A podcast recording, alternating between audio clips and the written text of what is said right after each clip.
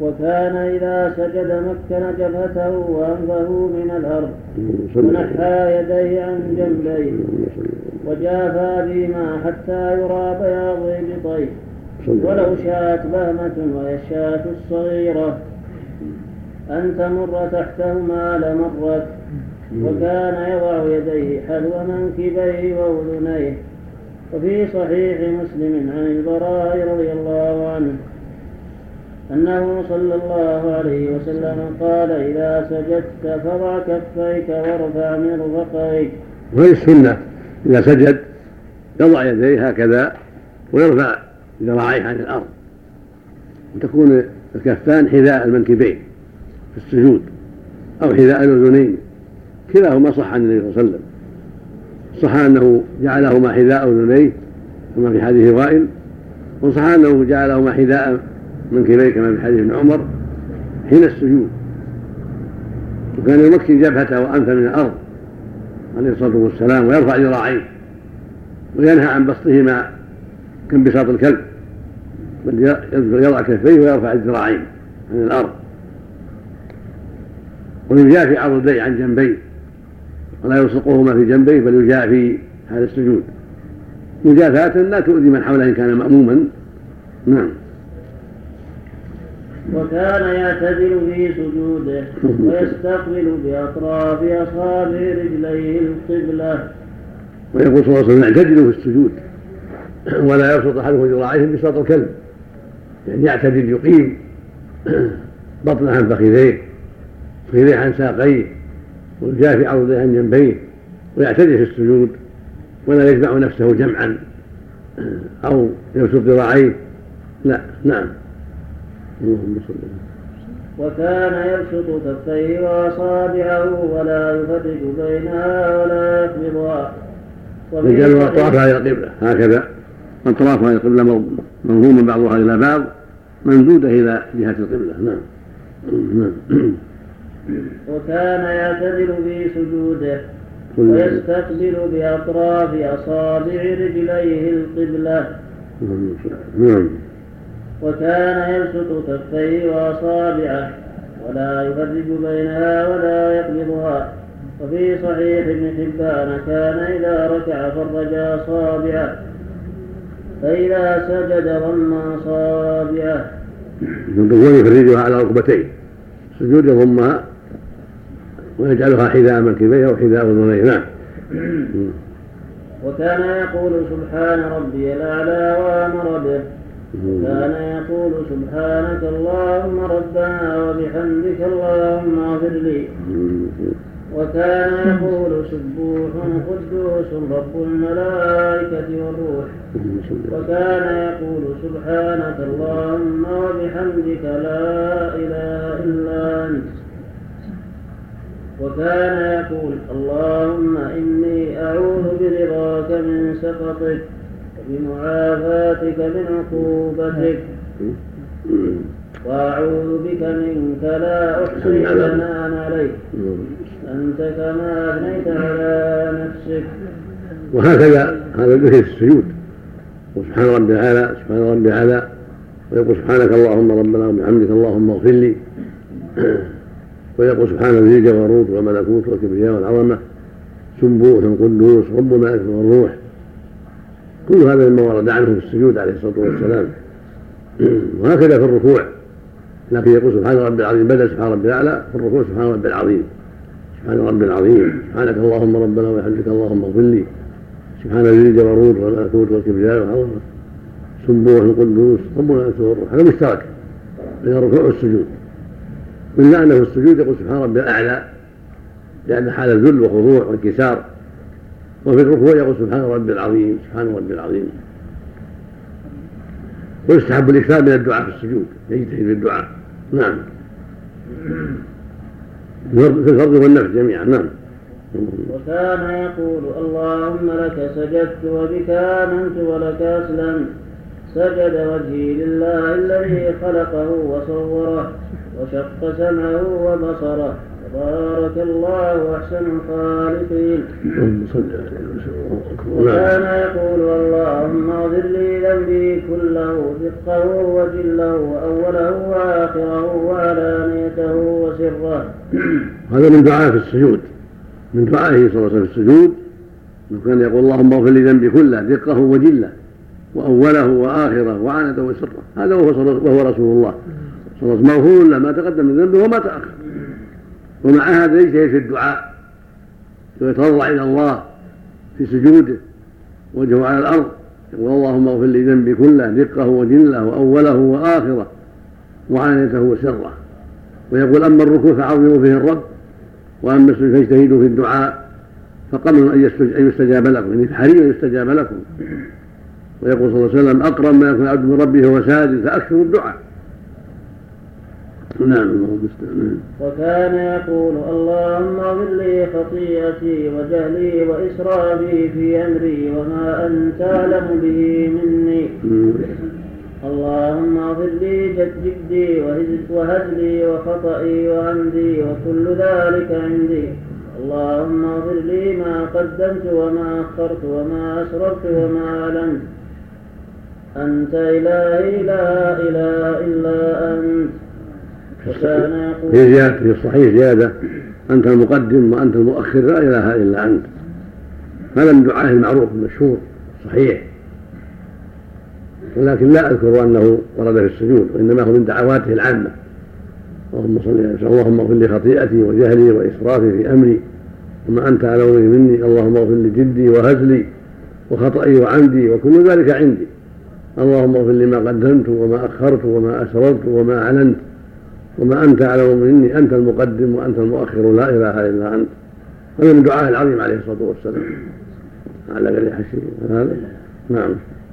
رواه البخاري في الدعوات باب قول النبي صلى الله عليه وسلم اللهم اغفر لي ما قدمت وما أخرت. ومسلم في الذكر والدعاء باب التعوذ من شر ما عمل من حديث أبي موسى الأشعري رضي الله عنه. لكن هذا الدعاء جاء مطلقا لم يذكر في الحديث محله. وقد جاءت الجملة الأخيرة منه اللهم اغفر لي إلى آخره. من حديث علي عند مسلم أنه كان يقولها أنه كان يقولها بين التشهد والتسليم. حديث ابن عباس عنده دون ما تعيين. مثل ما قال لا أحفظ أنه جاء عنه في السجود هذا هذا الذكر وإن هذا الدعاء وانه من الدعاء العام.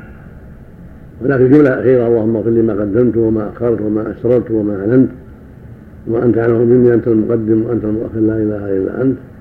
هذا جاء في حديث علي أيضا رواه مسلم. جاءت عنه صلى الله عليه وسلم أنه كان يقولها بين التسليم وبين التشهد قبل أن يسلم. وفي رواية كان يقولها بعد التسليم. وجاء عن هذا وهذا. الدعاء بها قبل التسليم والدعاء بها بعد ذلك كله جاء في مسلم من رواية علي رضي الله عنه. وفيها زيادة وما أسرفت. اللهم اغفر لي ما قدمت وما أخرت وما أسررت وما أعلنت وما أسرفت. وما أنت على أنت المقدم وأنت المؤخر لا إله إلا أنت. نعم. وكان يقول اللهم اجعل في قلبي نورا وفي سمعي نورا وفي بصري نورا وعن يميني نورا وعن شمالي نورا اللهم اجعل اللهم اجعل في قلبي وكان يقول اللهم اجعل في قلبي نورا وفي سمعي نورا وفي بصري نورا وعن يميني سقط هنا وفي لساني. سقط أيضا. زيادة في لساني. نورا نعم لعل سقط من بعض الخطابين أو لها لعنه المؤلف رحمه الله. نعم. وعن يميني نورا وعن شمالي نورا وأمامي نورا وخلفي نورا وفوقي نورا وتحتي نورا. واجعل لي نورا. زاد اللهم أعطني نورا وزدني نورا. وأعظم لي نورا أيضا. نعم. كله الصحيح نعم. وأمر بالإجتهاد في الدعاء والسجود. قال أخرجه مسلم في صلاة بس. نعم. في كلمات سقطت المؤلف نعم. وأمر بالإجتهاد في الدعاء في وأمر بالإجتهاد في الدعاء في السجود. وقال إنه قمن أن يستجاب لكم. وهل هذا أمر بأن يكثر الدعاء في السجود أو أمر بأن الداعي إذا دعا في محل فليكن السجود. وفرق بين الأمرين. وأحسن ما يحمل عليه الحديث أن الدعاء نوعان دعاء ثناء ودعاء مسألة. والنبي صلى الله عليه وسلم كان يكثر في سجوده من النوعين والدعاء الذي أمر به في السجود يتناول النوعين. والاستجابة أيضا نوعان استجابة دعاء الطالب بإعطائه سؤاله. واستجابة دعاء المثني بالثواب. وبكل واحد من النوعين فسر قوله تعالى أجيب دعوة الداعي إذا دعان. والصحيح أنه يعم النوعين. فصل وقد اختلف الناس بالقيام. ويفسر قال فاجتهدوا بالدعاء المراد به الإكثار مع العناية والإخلاص والصدق رواية مسلم الأخرى قال صلى الله عليه وسلم أقرب ما يكون عبد ربه وهو سائل فأكثر الدعاء. ويكثر الدعاء مع مع الاجتهاد فيه الإخلاص والصدق واختيار جوامع الكلم. نعم. فصل وقد اختلف الناس في القيام والسجود أيهما أفضل.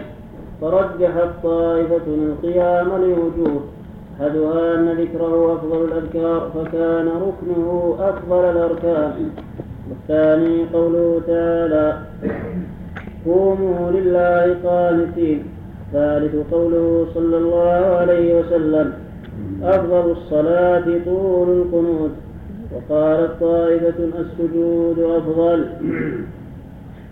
واحتجت بقوله صلى الله عليه وسلم أقرب ما يكون العبد من ربه وهو ساجد.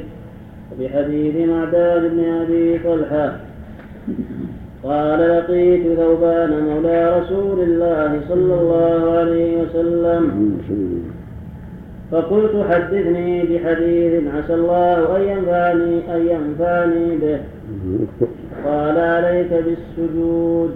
فإني سمعت رسول الله صلى الله عليه وسلم يقول ما من عبد يسجد لله سجدا إلا رفع الله له بها درجة وحط عنه بها خطيئة. قال ما دام ثم لقيت أبا الدرداء فسألته فقال لي مثل ذلك. وقال رسول الله صلى الله عليه وسلم لرفيعة بن كعب الأسلمي وقد سأله مرافقته في الجنة أعني على نفسك بكثرة السجود. وأول سورة أنزلت على رسول الله صلى الله عليه وسلم سورة إقرأ. على الأصح وختمها بقوله واسجد واقترب. وبأن السجود لله يقع من المخلوقات كلها علويها وسفليها وبأن الساجد أذل ما يكون لربه وأخضع, وأخضع له. وذلك أشرف حالات العبد. فلهذا كان أقرب ما يكون من ربه في هذه الحالة. وبأن السجود هو سر العبودية. فإن العبودية هي الذل والخضوع. يقال طريق معبد أي ذللته الأقدام. ووطأته. وطئته نعم وطأته وأذل ما يكون العبد وأخضع إذا كان ساجدا. وقال الطائفة طول القيام بالليل أفضل وكثرة الركوع والسجود بالنهار أفضل. واحتجت هذه الطائفة بأن صلاة الليل قد خصت باسم القيام لقوله تعالى قم الليل. وقوله صلى الله عليه وسلم من قام رمضان إيمانا واحتسابا. ولهذا يقال قيام الليل ولا يقال قيام النهار.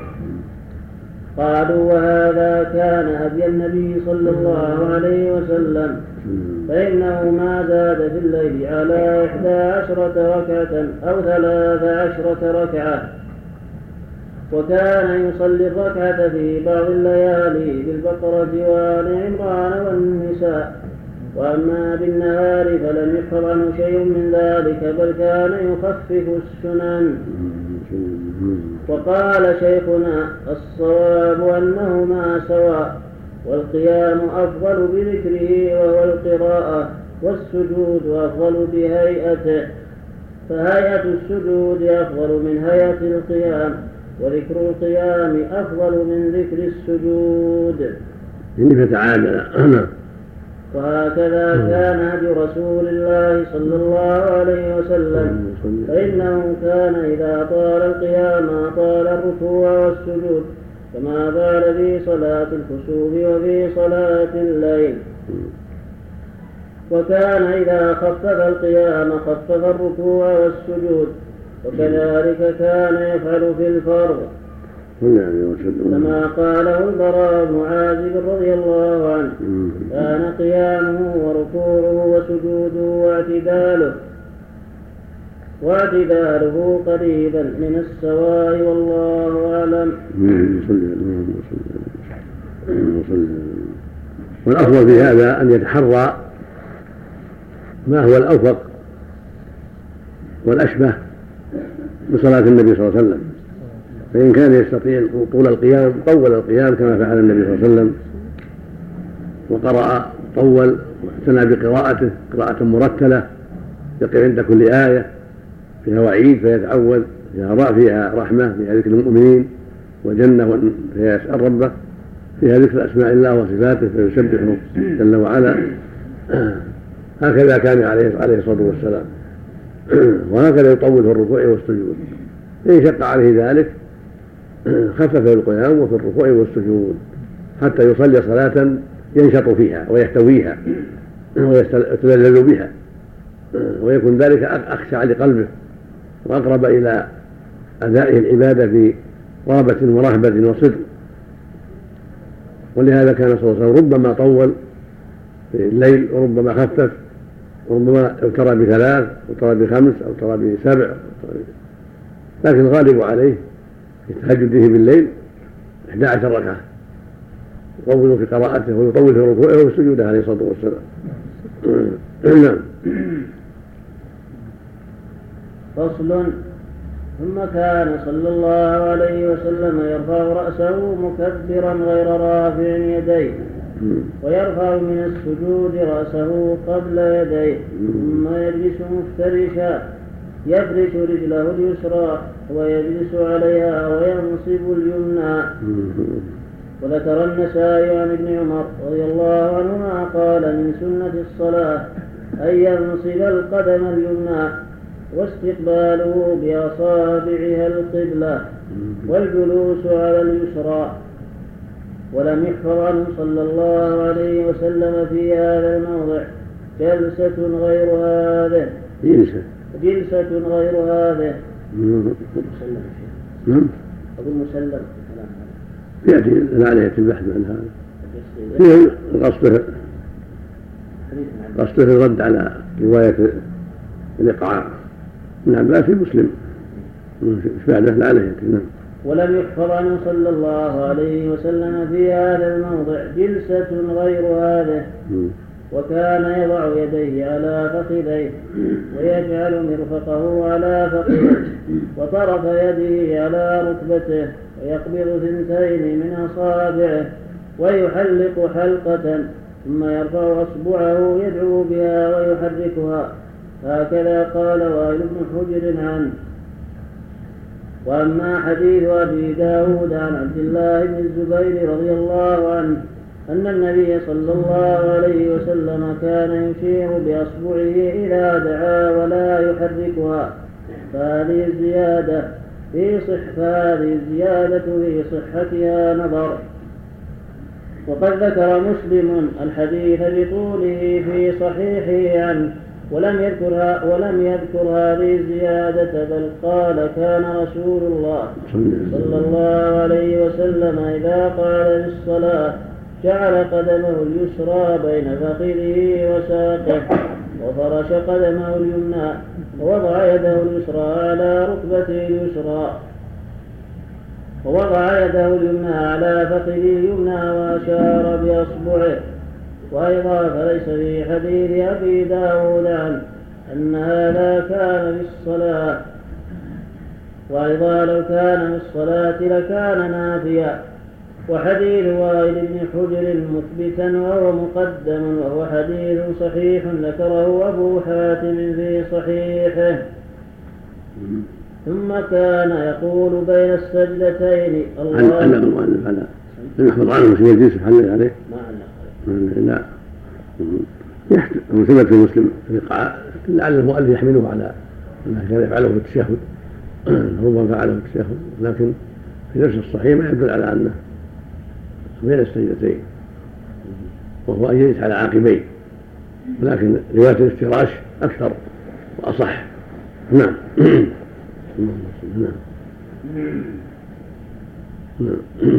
ثم كان يقول بين السجدتين اللهم اغفر لي وارحمني واجبرني واهدني وارزقني. هكذا ذكره ابن عباس رضي الله عنهما عنه صلى الله عليه وسلم. وذكر حذيفة رضي الله عنه أنه كان يقول رب اغفر لي رب اغفر لي. يعني بين السيدتين اللهم صل عليه وسلم وكان هديه صلى الله عليه وسلم إطالة هذا الركن بقدر السجود. وهكذا الثابت عنه في جميع الأحاديث. وفي الصحيح عن أنس رضي الله عنه كان رسول الله صلى الله عليه وسلم يقعد بين السجدتين حتى نقول قد أوهم. وهذه السنة تركها أكثر الناس من بعد انقراض عصر الصحابة. ولهذا قال المقصود من هذا أن السنة تطويل ما بين السجدتين ابتداء من النبي صلى الله عليه وسلم وفصلا بين السجدتين. وهكذا بعد الركوع يعتدل يطيل. قال أنس رضي الله عنه كان إذا قام من السجدة جلس حتى يقول القائل قد نسي. وإذا رفع من الركوع اعتدل وقام حتى يقال يقول القائل قد نسي. من شدة ما يطول عليه الصلاة والسلام ما بين السجدتين وما بعد الركوع. بخلاف عمل كثير من الناس فإنه يعجل. لا يستقر في بين السجدتين حتى يسجد الثانية. كذلك بعد الركوع لا يعجل بعض الناس ولا يبقى إلا يسيرا. والسنة خلاف ذلك. السنة أنه لا يعجل. لا بين السجدتين ولا بعد الركوع بل يعتدل ويكمل ما شرع الله في بين السجدتين رب اغفر لي رب يكررها. رب اغفر لي رب اغفر لي. اللهم اغفر لي وارحمني واهدني واجبرني وارزقني وعافني. وإن دعا بغير هذا فلا بأس. كان يقول اللهم إني أسألك رضاك والجنة واعوذ من سخطك والنار. اللهم اغفر لي ولي هذا محل دعاء. وفي بعد الركوع يطيل. ربنا ولك الحمد حمدا كثيرا طيبا مباركا فيه. من السماوات ومن الأرض ومن ما بينهما ومن ما اشترى من شيء بعد. أهل التمامين. أحق ما قال العبد. وكلنا لك عبد. لا مانع لما اعطيته ولا معطي لمنعك ولا ينفع ذا الجد منك الجد. حتى يفصل الركوع عن السجود بهذه الوقفة الطويلة. هذا هو الأفضل والأكمل. نعم. اقتداء بالنبي عليه الصلاة والسلام. ولهذا قال ثابت وكان أنس يصنع شيئا لا أراكم تصنعونه. يركض بين السجدتين حتى نقول قد نسي أو قد أوهم. واما من حكم السنة ولم يلتفت إلى ما خالفها فإنه لا يعبأ بما خالف هذا الهدي. فصل. ثم كان صلى الله عليه وسلم ينهض على صدور قدميه وركبتيه. وكان ينبغي المؤلف أن يشير إلى هذا أيضا بعد الركوع كما تقدم إنه جاء في النص. هذا وهذا نعم. نعم. حضروا نعم. نعم. إذا كان إنسان يترك السنة في الصلاة ماذا يترتب الصلاة؟ يفوت يفوت بعض الثواب المرتب على كمال السنة. نعم. الصلاة صحيحة. صلاة صحيحة نعم. إذا حافظ على الواجبات والشروط الحمد لله والأركان نعم. ثم كان صلى نعم. الله عليه وسلم. حديث ابن عباس يريد عليه. كأنه يقصد الجلوس يعني التشهد يعني حديث ابن عباس بين سجدتين ما يرد عليه أحسن منه كان كان المؤلف أعرض عنه ذكر ذكر كلام إنه لا يصح. لكن لعل مراده في في بين السجدتين يحملها على التشهد لعله يأتي له شيء. التشهد نعم. ثم كان صلى الله عليه وسلم ينهض على صدور قدميه وركبتيه معتمدا على فخذيه كما ذكر كما ذكر عنه وائل وابو هريرة. ولا يعتمد على الأرض بيديه وقد ذكر عنه مالك بن الحويرث أنه كان لا ينهض حتى يستوي جالسا وهذه هي التي تسمى جلسة الاستراحة. هي التي تسمى جلسة الاستراحة. واختلف الفقهاء فيها هل هي من سنن الصلاة فيستحب لكل أحد أن يفعلها أو ليست من السنن؟ وإنما يفعلها من احتاج إليها. على قولين. هما روايتان عن أحمد رحمه الله. قال الخلال رجع أحمد إلى حديث مالك بن الحويرث في جلسة الاستراحة. قال أخبرني يوسف بن موسى أن أبا أمامة سئل عن النهوض فقال على صدور القدمين على حديث دفاعه وفي حديث ابن عجلان ما يدل على أنه كان ينهض على صدور قدميه. وقد روي عن عدة من أصحاب النبي صلى الله عليه وسلم. وسائر من وصف صلاته صلى الله عليه وسلم لم يذكر هذه الجلسة وإنما ذكرت في حديث أبي حميد. ومالك بن الحويرث ولو كان هديه صلى الله عليه وسلم فعلها دائما لذكرها كل من وصف صلاته فذكرها كل من وصف صلاته صلى الله عليه وسلم. ومجرد فعله صلى الله عليه وسلم لها لا يدل على أنها من سنن الصلاة. إلا إذا علم أنه فعلها على أنها سنة يقتدى به فيها وأما إذا قدر أنه فعلها للحاجة لم يدل على كونها سنة من سنن الصلاة. فهذا من تحقيق المناط في هذه المسألة.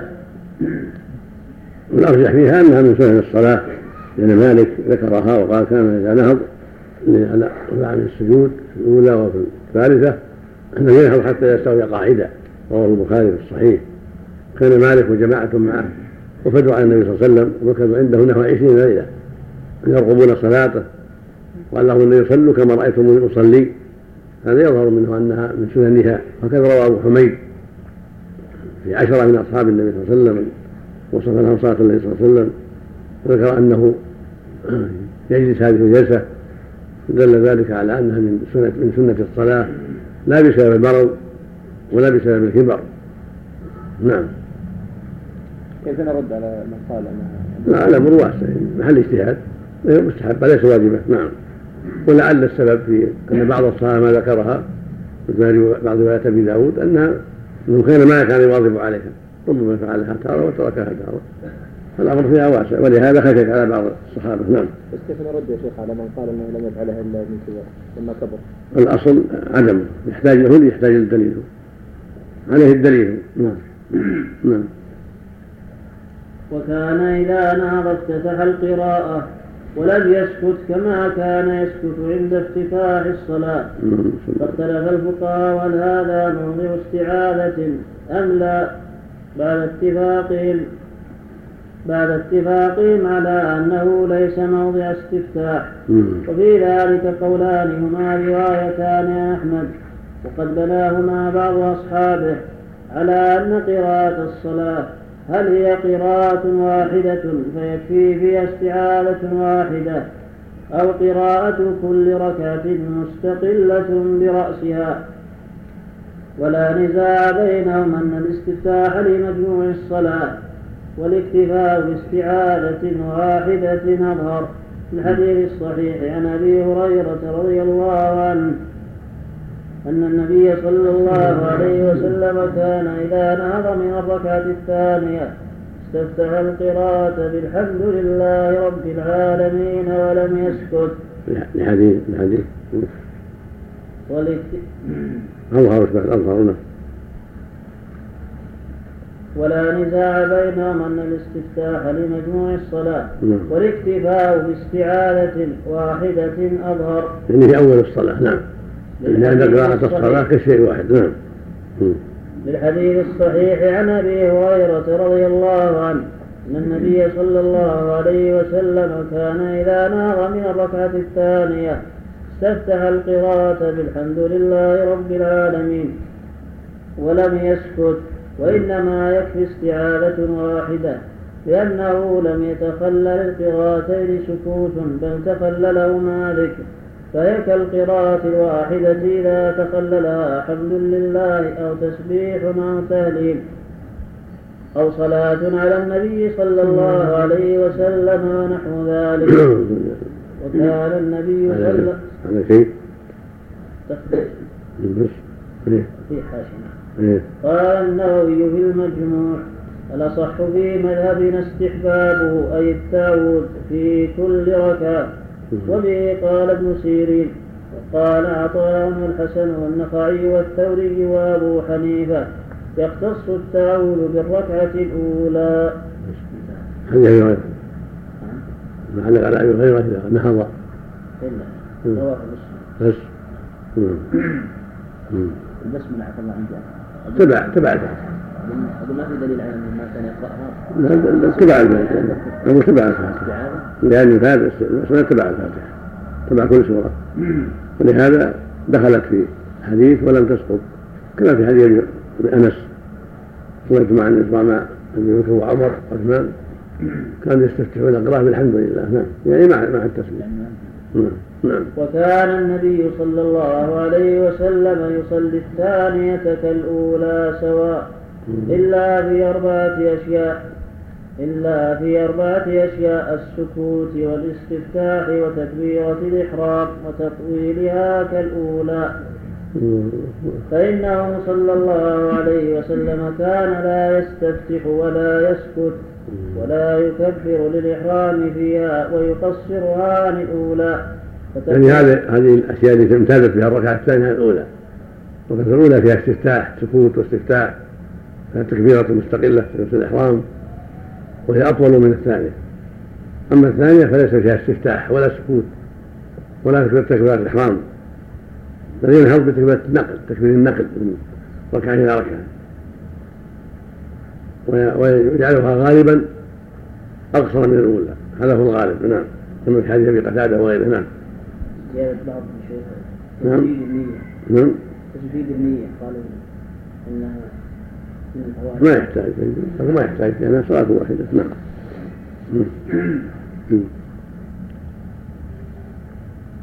نعم. فتكون الأولى أطول منها في كل صلاة كما تقدم.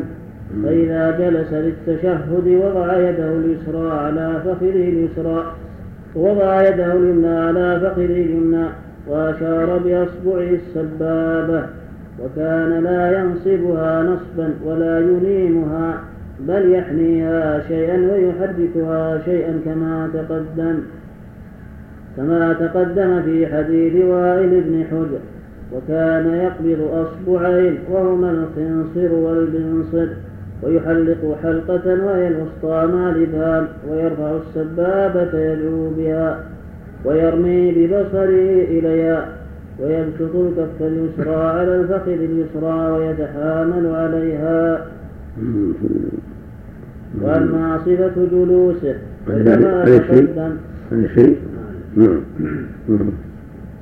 وأما صفة جلوسه فكما تقدم بين السجدتين سواء يجلس على رجله اليسرى وينصب اليمنى ولم يروى عنه في هذه الجلسة غير هذه الصفات هذا سر كما تقدم. كان في نفس حديث ابن مسعود. نعم ابن عباس نعم. شيخ نعم. ويتحامل عليها. ما أعرف له دليل أو ما أعرف عليه دليل. نعم. نعم. يعني يكفي عليها أكثر. لكن ما أعرف في شيء يعني يدل على هذا. نعم. نعم وأما حديث عبد الله بن الزبير رضي الله عنه الذي رواه مسلم في صحيحه أنه صلى الله عليه وسلم كان إذا قال في الصلاة جعل قدمه اليسرى بين فخذه وساقه وفرش قدمه اليمنى فهذا في التشهد الأخير كما يأتي وهو أحد الصفتين اللتين رويتان.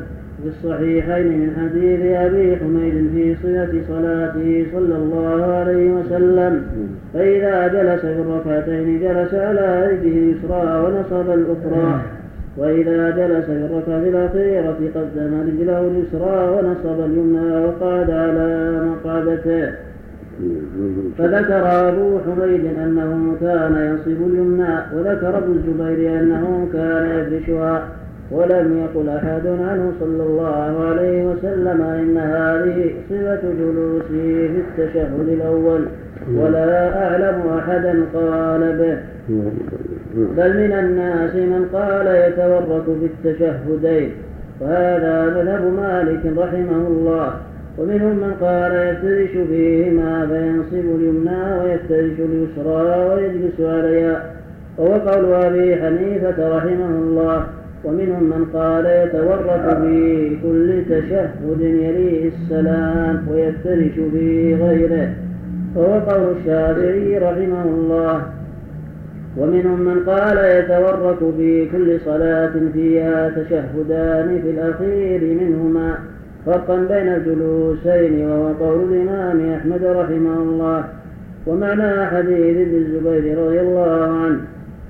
أنه فرش قدمه اليمنى أنه كان يجلس في هذا الجلوس على مقعدته فتكون قدمه اليمنى مفروشة وقدمه اليسرى بين فخذه وساقه ومقعدته على الأرض وقال الاختلاف في قدمه اليمنى في هذا الجلوس. هل كانت مفروشة أو منصوبة؟ وهذا والله أعلم ليس اختلافا في الحقيقة. فإنه كان لا يجلس على قدمه بل يخرجها عن يمينه. فتكون بين المنصوبة والمفروشة فإنها تكون على باطنها الأيمن. فهي مفروشة بمعنى أنه ليس ناصبا لها جالسا على عقبه. ومنصوبة بمعنى أنه ليس جالسا على باطن على باطنها وظهرها إلى الأرض. فصح قول أبي حميد ومن معه وقول عبد الله بن الزبير رضي الله عنهما أو يقال إنه صلى الله عليه وسلم كان يفعل هذا وهذا فكان ينصب قدمه وربما فرشها أحيانا وهذا أروح لها والله أعلم. ثم كان صلى الله عليه وسلم يتشهد دائما في هذه الجلسة ويعلم أصحابه أن يقولوا التحيات لله والصلوات والطيبات السلام عليك أيها النبي ورحمة الله وبركاته. السلام علينا وعلى عباد الله الصالحين أشهد أن لا إله إلا الله. وأشهد أن محمدا عبده ورسوله. شيخ الراجح في التشهد الثنائية. يفترش. كما في حديث عائشة كان يفترش في كل ركعتين. صلى الله عليه وسلم. وإنما التورك هو التشهد الأخير من ذات التشهدين المغرب العشاء والظهر والعصر. نعم. كما موافق للحديث. حميد وهو في الصحيحين. نعم. وقد ذكر النسائي. اللهم صل الشيخ نعم. السبابة يحركها. يحركها قليلا. عند ذكر عند ذكر الدعاء. نعم. أو ذكر الله نعم. يستمر في التحريك. هكذا. قليل يحرك بعض الأحيان قليل عند ذكر الله وعند ذكر الدعاء. نعم. وقد ذكر النسائي من حديث أبي الزبير عن جابر قال كان رسول الله صلى الله عليه وسلم يعلمنا التشهد كما يعلمنا السورة من القرآن. بسم الله وبالله والتحيات التحيات لله. بسم الله وبالله التحيات لله والصلوات والطيبات. السلام عليك أيها النبي ورحمة الله وبركاته. السلام علينا وعلى عباد الله الصالحين. أشهد أن لا إله إلا الله وأشهد أن محمدا عبده ورسوله. أسأل الله الجنة وأعوذ بالله من النار. ولم تجد التسمية في أول التشهد إلا في هذا الحديث. وله علة غير عن عنة أبي الزبير. وكان صلى الله عليه وسلم يخفف هذا التشهد. الحديث الصحيحة حديث المشهور في الصحيحين وحديث ابن عباس في صحيح البخاري في صحيح مسلم وأحاديث أخرى كلها ليس فيها ذكر التسمية وإنه يبدأ بقول التحيات وهذا هو المحفوظ. تحيات لله والصلوات والطيبات نعم. نعم. وإن زاد المباركات من حديث عباس فلا بأس. نعم. وكان صلى الله عليه وسلم. كل ما صح النبي صلى الله عليه وسلم. كفر نعم. يخفف هذا التشهد جدا حتى كأنه على الرب وهي الحجارة المحناة ولم ينقل عنه في حديث قط أنه صلى عليه وعلى آله في هذا التشهد. ولا كان أيضا يستعيذ فيه من عذاب القبر وعذاب النار وفتنة المحيا والممات وفتنة المسيح الدجال. ومن استحب ذلك فإنما فهمه من عمومات وإطلاقات. قد صح تبيين موضعها وتقييدها بالتشهد الأخير.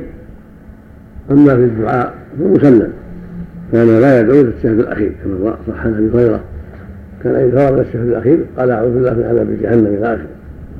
أما الصلاة على النبي صلى الله عليه وسلم فظاهر الأحاديث العموم وأنه صلي على النبي صلى الله عليه وسلم في الأول والأخير وليس ما ذكره المؤلف واضحا. بل العمومات حجة حتى يأتي ما يدل على أنه لم يفعل ذلك.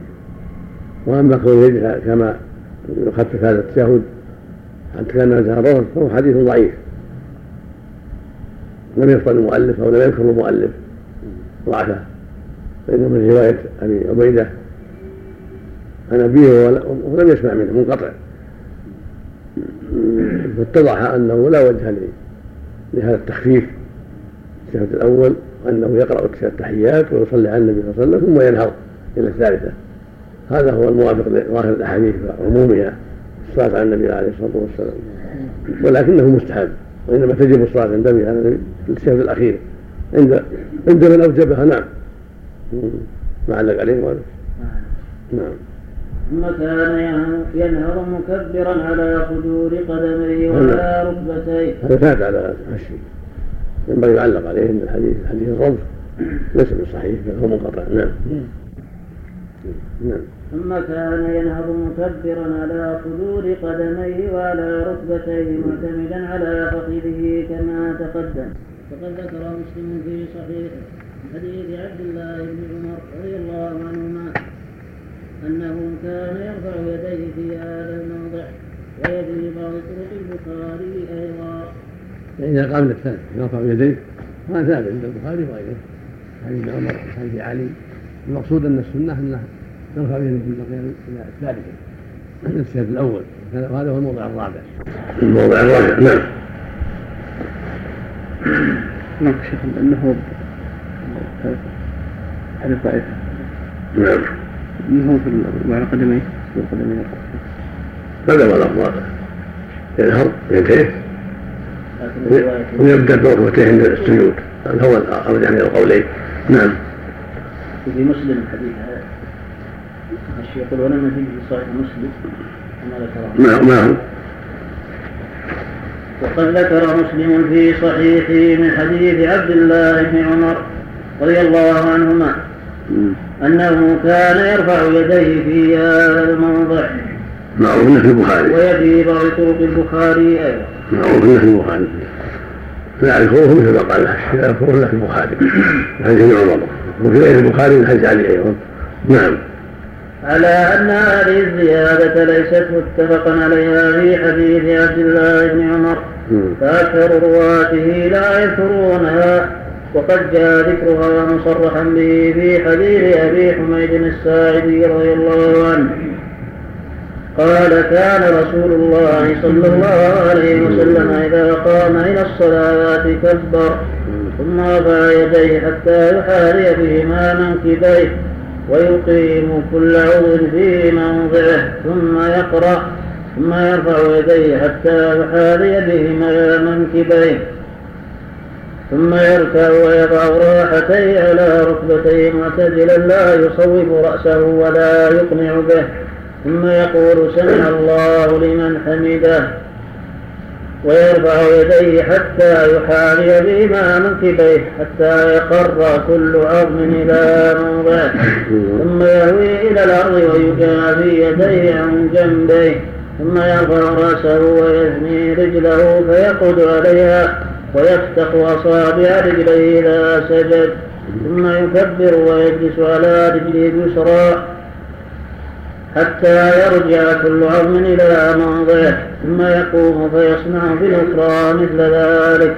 ثم إذا قام من الركعتين رفع يديه حتى يحاذي بهما منكبه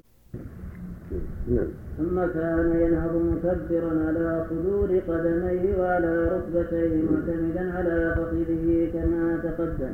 فقد ذكر مسلم في صحيحه حديث عبد الله بن عمر رضي الله عنهما أنه كان يرفع يديه في هذا الموضع ويدي بعض طرق البخاري أيضا. فإذا قام للثالث يرفع يديه. هذا ثابت عند البخاري وغيره. حديث عمر وحديث علي. المقصود أن السنة انه يرفع يديه في إلى الثالثة السيد الأول. وهذا هو الموضع الرابع. الموضع الرابع نعم. نعم شيخ أنه حديث ضعيف نعم. انه في وعلى قدميه في قدميه هذا هو الافضل ينهر ينتهي. ويبدأ بركبتيه عند السجود هذا هو الأرجح من القولين. نعم. في مسلم حديث يقول ولم في صحيح مسلم. كما ذكره ما هو وقد ذكر مسلم في صحيحه من حديث عبد الله بن عمر رضي الله عنهما أنه كان يرفع يديه في هذا الموضع. معروف إنه في البخاري. ويدي بعض طرق البخاري أيضا معروف إنه في البخاري. لا اذكره مثل ما قال. الا في البخاري. حديث ابن عمر. وفي غير البخاري من حديث علي أيضا. نعم. على أن هذه الزيادة ليست متفقا عليها في حديث عبد الله بن عمر. فأكثر رواته لا يذكرونها وقد جاء ذكرها مصرحا به في حديث أبي حميد الساعدي رضي الله عنه. قال كان رسول الله صلى الله عليه وسلم إذا قام إلى الصلاة كبر ثم رفع يديه حتى يحاذي بهما منكبيه ويقيم كل عضو في موضعه ثم يقرأ ثم يرفع يديه حتى يحاذي بهما منكبيه. ثم يركع ويضع راحتيه على ركبتيه معتدلا لا يصوب رأسه ولا يقنع به. ثم يقول سمع الله لمن حمده. ويرفع يديه حتى يحاذي بهما منكبيه حتى يقر كل عظم إلى موضعه. ثم يهوي إلى الأرض ويجافي يديه عن جنبيه. ثم يرفع رأسه ويثني رجله فيقعد عليها ويفتح أصابع رجليه إذا سجد. ثم يكبر ويجلس على رجله اليسرى. حتى يرجع كل عظم إلى موضعه ثم يقوم فيصنع في الأخرى مثل ذلك. ثم إذا قام من الركعتين رفع يديه حتى يحاذي بهما منكبيه كما يصنع عند افتتاح الصلاة. ثم يصلي بقية صلاته هكذا حتى إذا كانت السجدة التي فيها التسليم. أخرج رجليه وجلس على شقه الأيسر متوجكا. هذا سياق أبي حاتم في صحيحه وفي صحيح مسلم أيضا. وقد ذكره الترمذي مصححا له من حديث علي بن أبي طالب رضي الله عنه عن النبي صلى الله عليه وسلم أنه كان يرفع يديه في هذه المواطن أيضا. ثم كان يقرأ الفاتحة وحدها ولم يثبت عنه أنه قرأ في الركعتين الأخريين بعد الفاتحة شيئا. وقد ذهب الشافعي في أحد قوليه وغيره إلى استحباب القراءة بما زاد على الفاتحة في بما زاد على الفاتحة في الأخريين. واحتج لهذا القول بحديث أبي سعيد الذي في الصحيح. حجرنا قيام رسول الله صلى الله عليه وسلم في الظهر في الركعتين الأوليين قدر قراءة ألف لام تنزيل السجدة وحذرنا قيامه في الركعتين الأخريين قدر النصف من ذلك.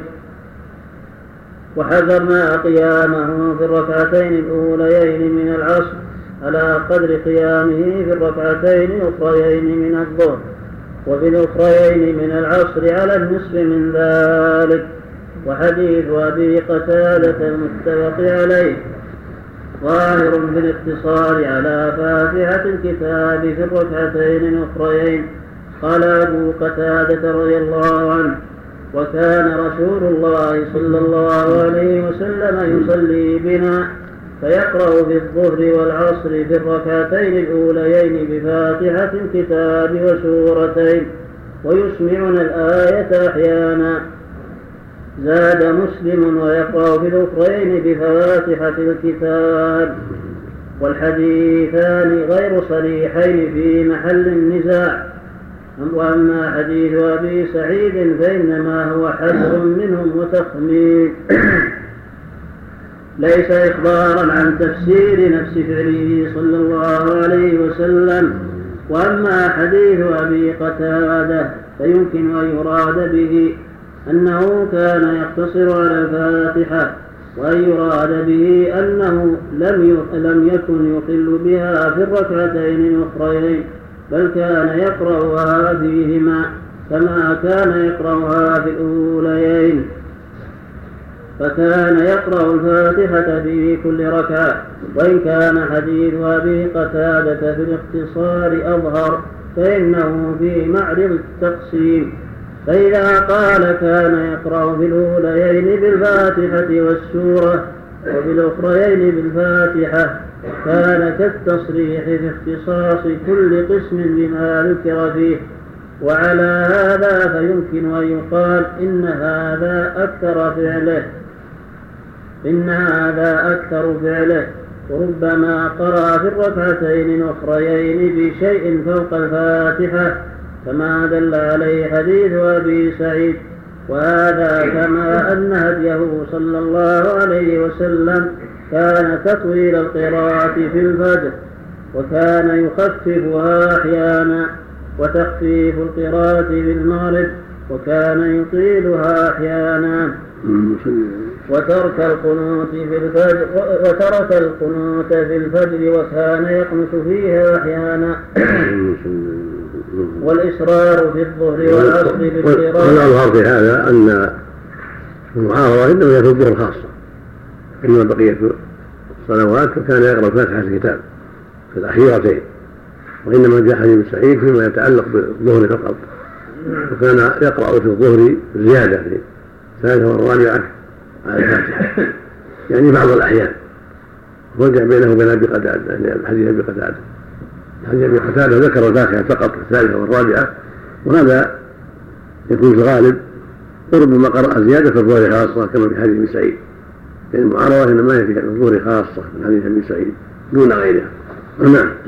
حفظك الله حافظ الحديث الصوت النبي قرأ في الظهر بنحو 90 في الأولين بقدر 30 وفي الثالثة والرابعة بقدر 15 هذا يوثق من حديث ابي سعيد؟ قد ألف ألف هذه ابي سعيد وفي اللفظ الآخر قدر ثلاثين آية. وفي الأخرين قدر النصف من ذلك. هو معنى هذا الحديث. قدر النصف من ذلك معناه الفاتحة وزيادة منه. ولهذا احتج به بعض الأئمة على شرعية الزيادة في الثالث والرابع من الظهر بعض الأحيان. حتى يتفق مع حديث أبي قتادة نعم نعم. والإصرار في الظهر والعصر بالقراءة. وكان يسمع الصحابة فيها أحيانا.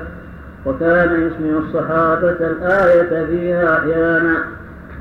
وترك الجهر بالبسملة. وكان يجهر بها أحيانا. والمقصود أنه كان يفعل في الصلاة شيئا أحيانا لعارض لم يكن من فعله الراتب. وللبيان ولبيان والإيضاح للأمة. حتى يعلموا قراءته وأنه يقرأ عليه الصلاة والسلام. وقد يعرض عارض يقتضي التخفيف حتى لا يتحرج الناس عند الحاجة إلى التخفيف. نعم. ومن هذا لما بعث صلى الله عليه وسلم فارسا يقرأ في المغرب كثيرا بقصار عليه التطويل وربما قرأ الدكتور بالأعراف والمرسلات تارة وتارة عليه الصلاة والسلام. نعم. ومن هذا لما بعث صلى الله عليه وسلم فارسا طليعا ثم قام إلى الصلاة وجعل يلتفت في الصلاة إلى الشعب الذي يجيء منه الطليعا ولم يكن من هديه صلى الله عليه وسلم الالتفات في الصلاة. عليه. نعم. رواه أبو داود في الصلاة باب الرخصة في النظر في الصلاة من حديث سعد بن الحنبلية وسنده صحيح وصححه الحاكم ووافقه الذهبي. وهذا للحاجة مثل التفات الصديق لما أكثر الناس التصحيح الصحيحين. وخرج شرع النبي صلى الله عليه وسلم. فأشار له الذي أن يبقى. فحمد الله ورفع يديه ثم تأخر القهقرة الالتفات عند الحاجة جائز عند الحاجة والأفضل ترك ذلك عند عدم الحاجة وأن يقبل على صلاته. لكن لو دعت الحاجة كان سمع هدة عن يمينه أو شماله أو حركة غريبة. خاف منها خطر. فالتفت ليعرف الحقيقة فلا بأس. وكما نظر إلى الشيخ صلى الله عليه وسلم من أهل الطليعة لما أرسل الطليعة إلى ينظر العدو. التفت ينظر هل أقبل أم لا. نعم. أي برأسه. نعم.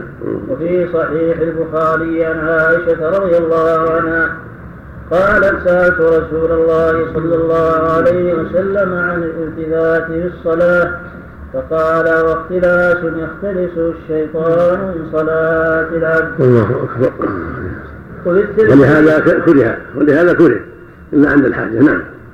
وفي الترمذي من حديث سعيد بن المسيب عن أنس رضي الله عنه قال قال لي رسول الله صلى الله عليه وسلم يا بني إياك والإلتفات في الصلاة فإن الالتفات في الصلاة هلك فإن كان ولا بد ففي التطوع لا في الفرق ولا في الحديث علتان الله أكبر الله أكبر الله أكبر. الله أكبر.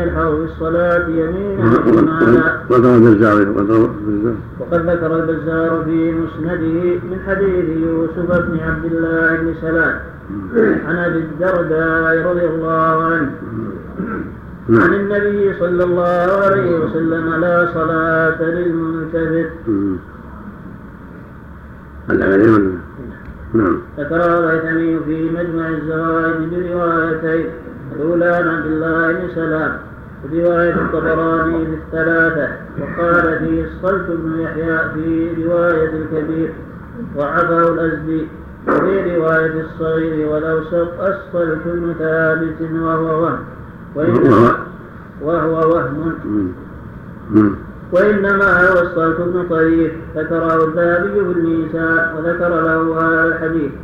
وقال الدار قطني حديث مضطرب لا يثبت والرواية الثانية عن أبي الدرداء رواها الطبراني في الكبير وفيها عطاء عجلان وهو ضعيف ولم ينسبه أحد للبزار فيما نعلم.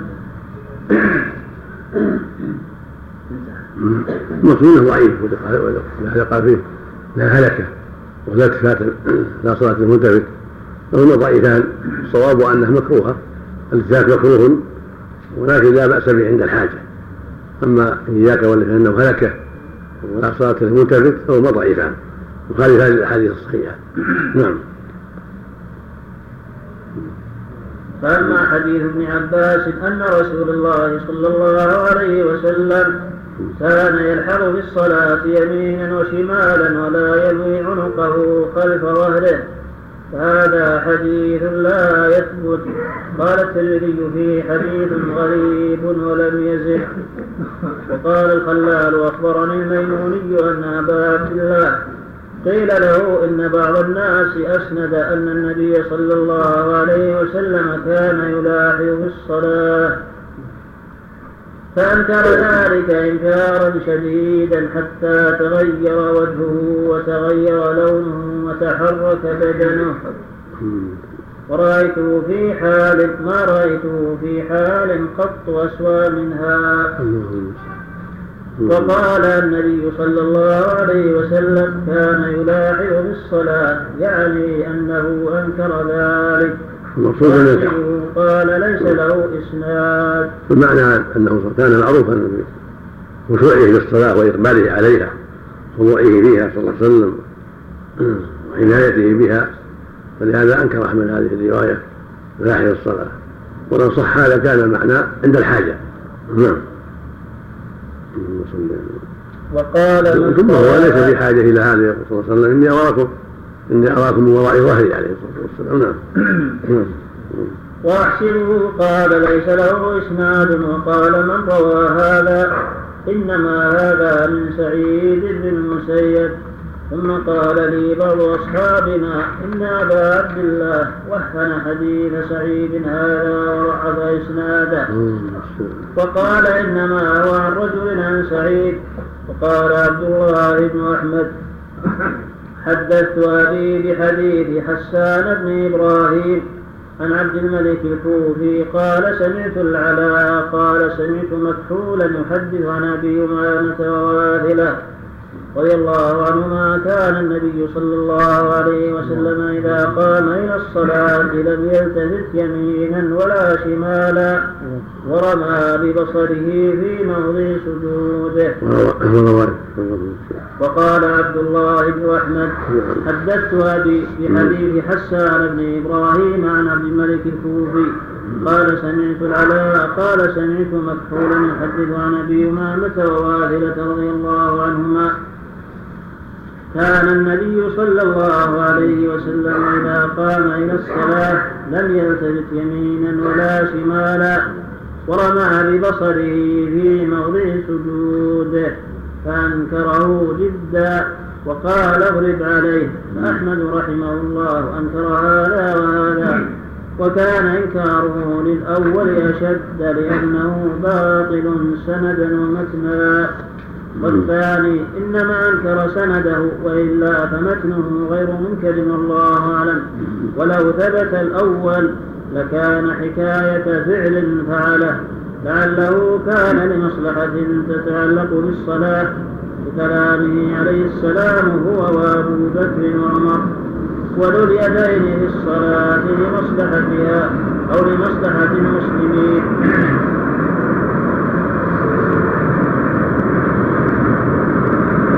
أو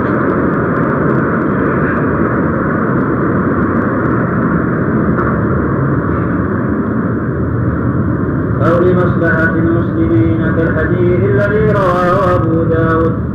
عن أبي كبشة السلولي عن سالم بن حنظلية قال ثوب بالصلاة يعني صلاة الصبح. فجعل رسول الله صلى الله عليه وسلم يصلي وهو يلتفت إلى الشعر. قال أبو داود يعني وكان أرسل فارسا إلى الشعب من الليل يحرس. فهذا الالتفات من الاشتغال بالجهاد بالصلاة يدخل في مداخل العبادات كصلاة الخوف وقريب منه قول عمر رضي الله عنه إني لأجهز جيشي وأنا في الصلاة فهذا جمع بين الجهاد والصلاة. ويقربون ويقربون. وقريب منه قول عمر رضي الله عنه. إني لأجهز جيشي وأنا في الصلاة فهذا جمع بين الجهاد والصلاة. ونظيره التذكر. عليه نعم نعم. ونظيره التفكر في معاني القرآن. واستخراج كنوز العلم منه في الصلاة فهذا جمع بين الصلاة والعلم. فهذا لون والتفات الغافلين اللاهين وأفكارهم لون آخر وبالله التوفيق. اللهم المستعان الله نعم اللهم المستعان. يعني ب- من ما يعرض له من التفكير وهو يصلي. نعم. قد يعرض له التفكير وهو الصلاة فيجهز الجيش يعني. يأمر بتجهيز الجيش نعم. ويقال كذا ويقال كذا نعم. يعني يقع لنفسه كيفية تجهيز الجيش نعم. ثابت عن عمر هذا. وأن جزم به واللي أظهر أنه من معلقات البخاري الإمام نعم ومما يقع ويعفى عنه في في الصلاة مما يقع من التفكير. نعم. كان عمر يريد أنه يقصد هذا. لا لا يعني يعرض له يعني. يعرض له هذا نعم. نعم. فهديه الراتب صلى الله عليه وسلم إطالة الركعتين الأوليين من الرباعية على الأخريين وإطالة الأولى من الأوليين على الثانية. ولهذا قال سعد بن عمر أما أنا فأطيل في الأوليين وأحذف في الأخريين ولا آل أن أقتدي بصلاة رسول الله صلى الله عليه وسلم. وكذلك كان هديه صلى الله عليه وسلم إطالة صلاة الفجر على سائر الصلوات كما تقدم. قالت عائشة رضي الله عنها فرض الله الصلاة ركعتين ركعتين. فلما هاجر رسول الله صلى الله عليه وسلم زيد في صلاة الحضر إلا الفجر فإنها أقرت على حالها من أجل طول القراءة والمغرب لأنها وتر النهار. رواه أبو حاتم بن حبان في صحيحه وأصله في صحيح البخاري. وهذا كان هديه صلى الله عليه وسلم في سائر صلاته. إطالة أولها على آخرها كما فعل بالكسوف. وفي قيام الليل لما صلى ركعتين طويلتين ثم ركعتين وهما دون اللتين قبلهما ثم ركعتين وهما دون اللتين قبلهما حتى أتم صلاته. ولا يناقض هذا افتتاحه صلى الله عليه وسلم صلاة الليل بركعتين خفيفتين وأمره بذلك.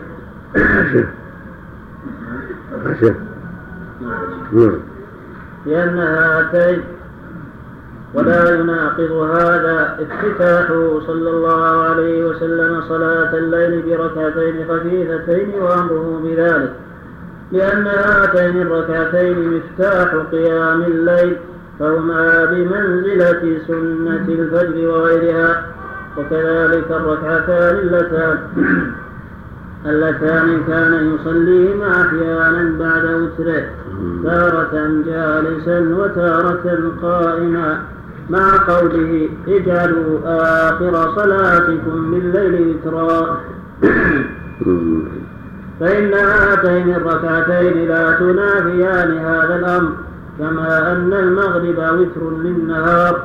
وصلاة السنة شفعا بعدها لا يخرجها عن كونها وترا للنهار وكذلك الوتر لما كان عبادة مستقلة وهو وتر الليل. كانت الركعتان بعده جاريتين مجرى سنة المغرب من المغرب. ولما كان المغرب فرضا كانت محافظته عليه السلام على سنتها. أكثر من محافظته على سنة الوتر. وهذا على أصل من يقول بوجوب الوتر ظاهر جدا. وسيأتي مزيد كلام في هاتين الركعتين إن شاء الله تعالى. وهي مسألة شريفة لعلك لا تراها في مصنف وبالله التوفيق. وهذا ثابت حديث عائشة أنه كان بعد الوتر يصلي ركعتين. وهو جالس. ولعل من الحكمة في ذلك أن يبين أنه ليس ممنوعا أن يصلي بعد الوتر وإنما هو الأفضل يصلي أن يختم بالوتر. فإن صلى بعد الوتر ركعتين أو وتر في أول الليل ثم تهجد في آخر الليل فلا حاجة إلى أن يعيد الوتر. بل يصلي ما قسم الله له ولا يعيد الوتر لقوله لا وتر في ليلة. فهي بمثابة ركعتين بعد المغرب والوتر النهار والركعتان بعد الوتر تابعة الوتر لبيان حكم الله في ذلك.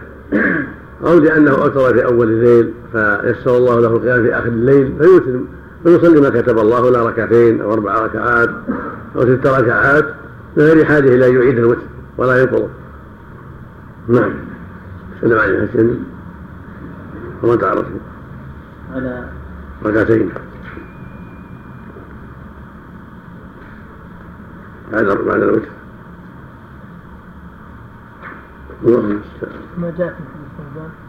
نعم. ما جاء في حديث ثوبان؟ نعم. ركعتين اللي بعد ما يكون من حديث عائشة في صحيح مسلم.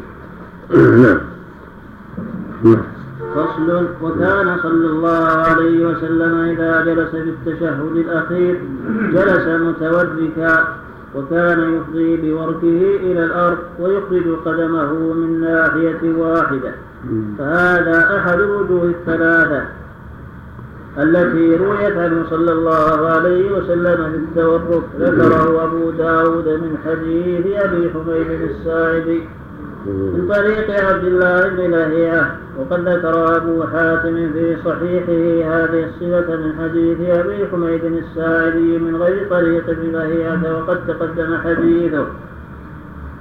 الوجه الثاني ذكره البخاري في صحيحه من حديث أبي حميد أيضا قال وإذا جلس في الركعة الآخرة قدم رجله اليسرى ونصب اليمنى وقعد على مقعدته فهذا هو الموافق للأول في الجلوس على الوقت وفيه زيادة وصف في هيئة القدمين.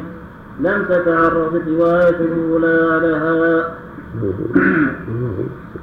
الوجه الثالث ما ذكره مسلم في صحيحه من حديث عبد الله بن الزبير رضي الله عنهما أنه صلى الله عليه وسلم كان يجعل قدمه اليسرى بين فخذه وساقه. ويفرش قدمه اليمنى. وهذه هي الصفة التي اختارها أبو القاسم الخرقي في مختصره. وهذا مخالف للصفتين الأوليين في إخراج اليسرى من جانبه الأيمن وفي نصب اليمنى. ولعله كان يفعل هذا تارة وهذا تارة وهذا أظهر. ولا مانع من ذلك لأنه صلى الله عليه وسلم كان ينوع كثيرا من أمور الصلاة تخفيفا وتيسيرا وتنوعا في العبادة وتفصيلا لها. فالنبي صلى الله عليه وسلم حين يحلق إبهامه مع وسطى تارة وتارة يقبض أصابعه كلها ويشيب التي في الإبهام تارة يطول في السورة بعد الفاتحة وتارة يقصر. كل ذلك من باب التنوع في الصلاة وهذا من باب اختلاف التنوع. وهو جائز لا حرج فيه. هكذا التشهد هكذا الاستفتاحات كل من باب التنوع. فالأمر فيه واسع. والأفضل المؤمن يفعل هذا تارة وهذا تارة. وإذا راح ما هو الأصح ففعله أكثر. كل هذا من باب تحرير السنة والعناية بها وعدم إهمال شيء منها. نعم. ويحتمل أن يكون من اختلاف الرواة ولم يذكر عنه عليه السلام هذا التورط. إلا في التشهد الذي يليه السلام قال الإمام أحمد ومن وافقه هذا مخصوص بالصلاة التي فيها تشهدان. وهذا التورك فيها جعل فرقا بين الجلوس في التشهد الأول الذي يسن تخفيفه. فيكون الجالس فيه متهيئا للقيام. وبين الجلوس في التشهد الثاني الذي يكون الجالس فيه مطمئنا. وأيضا فتكون هيئة الجلوسين فارقة بين التشهدين مذكرة للمصلي حاله فيهما. وأيضا فإن أبا حميد إنما ذكر هذه الصفة عنه صلى الله عليه وسلم في الجلسة التي في التشهد الثاني فإنه ذكر صفة جلوسه في التشهد الأول. وأنه كان يجلس مفترشا ثم قال وإذا جلس في الركعة الآخرة. وفي لفظ فإذا جلس في الركعة الرابعة. وأما قوله في بعض ألفاظه حتى إذا كانت الجلسة التي فيها التسليم أخرج رجله اليسرى وجلس على شقه متوركا هذا قد يحتج به من يرى التورك يشرع في كل تشهد يليه السلام. فيتورك في الثانية وهو قول الشافعي رحمه الله وليس بصريح في الدلالة. بل سياق الحديث يدل على أن ذلك إنما كان في التشهد الذي يليه السلام من الرباعية والثلاثية. فإنه ذكر صفة جلوسه في التشهد الأول وقيامه منه ثم قال حتى إذا كانت السجدة التي هي التسليم جلس متوركا. فهذا السياق ظاهر في اختصاص هذا الجلوس بالتشهد الثاني والله أعلم. فصل. وكان صلى الله عليه وسلم إذا جلس في التشهد وضع يده اليمنى على فخذه اليمنى نعم. والصلاة والسلام على أشرف الأنبياء والمرسلين نبينا محمد وعلى آله وأصحابه أجمعين. قال الإمام ابن القيم رحمه الله تعالى فصل وكان صلى الله عليه وسلم إذا جلس للتشهد وضع يده اليمنى على فخذه اليمنى وضم أصابعه الثلاث وعصب السبابة. صلى عليه وسلم. وفي لفظ وقبض أصابعه الثلاث ووضع يده اليسرى على فخذه اليسرى ذكره مسلم عن ابن عمر. وقال وائل بن حجر جعل حد مربطه الأيمن على فخذه اليمنى. ثم قبض ثنتين من أصابعه وحلق حلقه ثم رفع أصبعه ورأيته يحركها يدعو بها وهو في السنن الضاد المراد في المرفق مراد في الكف لأنه يرتفق في الكف لأن المرفق لو جعل المرفق هكذا تبتعد اليد عن الفخذ المراد به الفرق والله أعلم. حتى يوافق الأحاديث الأخرى. المرفق يعني الكف لأنه يرتفع رقبه كما يرتفع المرفق هذا. ولهذا في الأحاديث الأخرى يضع يده اليمنى على فخذه اليمنى واليسرى على اليسرى. اللفظ الثاني على ركبته اليمنى على ركبته اليسرى. نعم. وإذا وضع يده على فخذه ثم مد أصابعه إلى الركبة جمع بينهما. نعم. وفي حديث ابن عمر في صحيح مسلم عقد ثلاثة وخمسين. وهذه الروايات كلها واحدة. فإن من قال قبض أصابعه الثلاثة أراد به أن أسقى كانت مضمومة لم تكن منشورة كالسبابة ومن قال قبض ثنتين من أصابعه أراد أن أسقى لم تكن مقبوضة مع البنصر. بل الخنصر والبنصر متساويان في القبض دون الوسطى وقد صرح بذلك من قال وعقد ثلاثة وخمسين. فإن الوسطى في هذا العقد تكون مضمومة ولا تكون مقبوضة مع البنصر. وقد استشكل كثير من الفضلاء هذا إذ عقد ثلاث وخمسين لا يلائم واحدة من الصفتين المذكورتين. فإن الخنصر لا بد أن تركب البنصر في هذا العقد وقد أجاب عن هذا بعض الفضلاء بأن الثلاثة لها صفتان في هذا العقد قديما وهي التي ذكرت في حديث ابن عمر. تكون فيها الأصابع الثلاث مضمومة مع تحليق الإبهام مع الوسطى. وحديثة وهي المعروفة اليوم بين أهل بين أهل الحساب والله أعلم. والمقصود من هذا كله أن السنة أن يكون مشيرا بالسبابة أما الأربع ففيها صفتان إن شاء قبضها كلها هكذا وإن شاء قبض الخنصر والبنصر وحلق الإبهام والوسطى كلاهما ثابت حديث ابن عمر وحديث وائل هكذا يقبضها كلها أو يجعل الإبهام تحت السبابة وإن شاء كما في حديث وائل حلق الإبهام مع الوسطى وقبض الخنصر والمنصر هكذا. نعم. رؤوس أنام هذا هو الأفضل. نعم. رؤوس أنام اليسرى إلى الأرض وإما أو إلى القبلة شيء رؤوس أنام اليسرى. إما لا إلى القبلة تجه إلى القبلة نعم. نعم. متى يشير؟ الأفضل عند ذكر الله وعند الدعاء. نعم. من يحرك يسرى أما اليسرى قائمة دائما. التشهد التشهد قائمة ولكن إذا حركها قليلا عند ذكر الله أشهد أن لا إله إلا الله عند اللهم صل اللهم إني أكون عذاب جهنم إلى آخره. كان في حديث عزبة جبريل إذا دعا. نعم. لأجل الوحدانية لأجل الوحدانية نعم. وكان يبسط ذراعه على فخذه ولا يجافيها فيكون حد مرفقه عند آخر فخذه وكان وكان. وكان يبسط ذراعه على فخذه ولا يجافيها فيكون حد مرفقه عند آخر فخذه. هذا بناء على المرفق معروف. ومن وسع المرفق بين الكف فلا إشكال نعم. وأما اليسرى فممدودة الأصابع على الفخذ اليسرى. وكان يستقبل بأصابعه القبلة في رفع يديه في ركوعه وفي سجوده وفي تشهده. ويستقبل أيضا بأصابع رجليه القبلة في سجوده. وكان يقول في كل ركعتين التحيات وأما المواضع التي كان يدعو فيها في الصلاة فسبعة مواطن. نعم. أحدها بعد تكبيرة الإحرام في محل الاستفتاح. الثاني قبل الركوع وبعد الفراغ من القراءة في الوتر والقنوت العارض في الصبح قبل الركوع.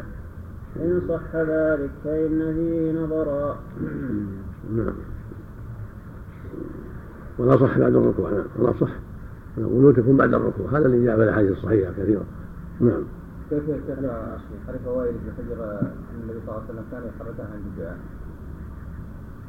لا لا منافاة على الصحيح. يحركها قليل ولا منافاة بين الروايات الأخرى ولا يحركها. لأن تحريك شيء قليل خفي على من نفاه. والمثبت مقدم على النافي. فلا منافاة. يحركها قليل عند الدعاء أو عند التوحيد. ولكنها في الأغلب ساكنة. مشيرا بها فقط. نعم. يا شيخ ما رايك في قول أحمد بن حنبل إن كان الحديث سديد فسار الشيخ الباني كل الآثار اللي في هذا ضعيفة ما عدا التحريك فقط. ثم زيادة شديدا ومقعة الشيطان وكلها ضعيفة. كلها ضعيفة نعم. نعم. ما عدا الإشارة بها وتحريكها نعم. نعم. يا شيخ في الفرض والنفل أو في الفرض فقط؟ لا الجميع في الجميع. فرض النفل نعم. الثالث بعد الاعتدال من الركوع كما ثبت ذلك في صحيح مسلم. من حديث عبد الله بن أبي أوفى كان رسول الله صلى الله عليه وسلم إذا رفع رأسه من الركوع قال سمع الله لمن حمده. اللهم ربنا لك الحمد ملء السماوات وملء الأرض وملء ما شئت من شيء بعد. اللهم طهرني بالثلج والبرد والماء البارد. اللهم طهرني من الذنوب والخطايا كما ينقى الثوب الأبيض من الوسخ الرابع في ركوعه كان يقول سبحانك اللهم ربنا وبحمدك اللهم اغفر لي. لكن الأفضل في هذا يغلب عليه التعظيم في الركوع كما في حديث ابن عباس اما الركوع فعظمه في الرب يكون الدعاء قليلا تابعا للتعظيم. سبحانك اللهم ربنا وبحمدك اللهم اغفر لي. نعم. نعم. الرابع في الخامس في سجوده. وكان فيه غالب وكان فيه غالب دعائه. صل عليه. اللهم صل عليه. السادس بين ولهذا قال في السجود عليه الصلاة والسلام وأما السجود فاجتهدوا في الدعاء. فقبل أن يستجاب لكم. يعني بحي يستجاب لكم. رواه مسلم. من حديث ابن عباس. من حديث أبي هريرة عند مسلم أيضا اقرب ما يكون العبد من ربه وهو ساجد فاكثر الدعاء. والساجد خاضع لله. قد وضع أشرف عضو من أعضائه الظاهرة على الأرض خاضعا مستمدا فضل ربه راجيا خائفا. فكان دعاؤه في هذه الحال أفضل الدعاء. وأقرب ما يكون إلى الاستجابة. طيب يا شيخ كيف نوفق بينه وبين من شغله ذكر عن سلفي أعطيته أفضل من التسعين لا منافاة هل يذكر الله سبحان ربي اعلى سبحان ربي اعلى ذكر والدعاء. نوع ذكر في المعنى. لكن يجمع, يجمع بين المصلحتين. يجمع بين المصلحتين يجمع بين الذكر والدعاء. الذكر دعاء عبادة. لكن الصريح الذكر. وأما من دعاء فهو دعاء مسألة. وهو في المعنى عبادة من جهة ثناء على الله سبحانه وتعالى. نعم. مشهور لا بأس به. لا بأس به. رواه الترمذي وغيره ولا أعلم في إسناد الشيء. نعم. الخامس في سجوده وكان فيه غالب دعائه. السادس بين السجدتين. السابع بعد التشهد وقبل السلام. اللهم صل على كلها ثابتة. كلها ثابتة ما عدا الدعاء قبل الركوع. فالصواب فيه أنه يكون بعد الركوع نعم. نعم. وبذلك أمر في حديث أبي هريرة وحديث فضالة بن عبيد وأمر أيضا بالدعاء في السجود.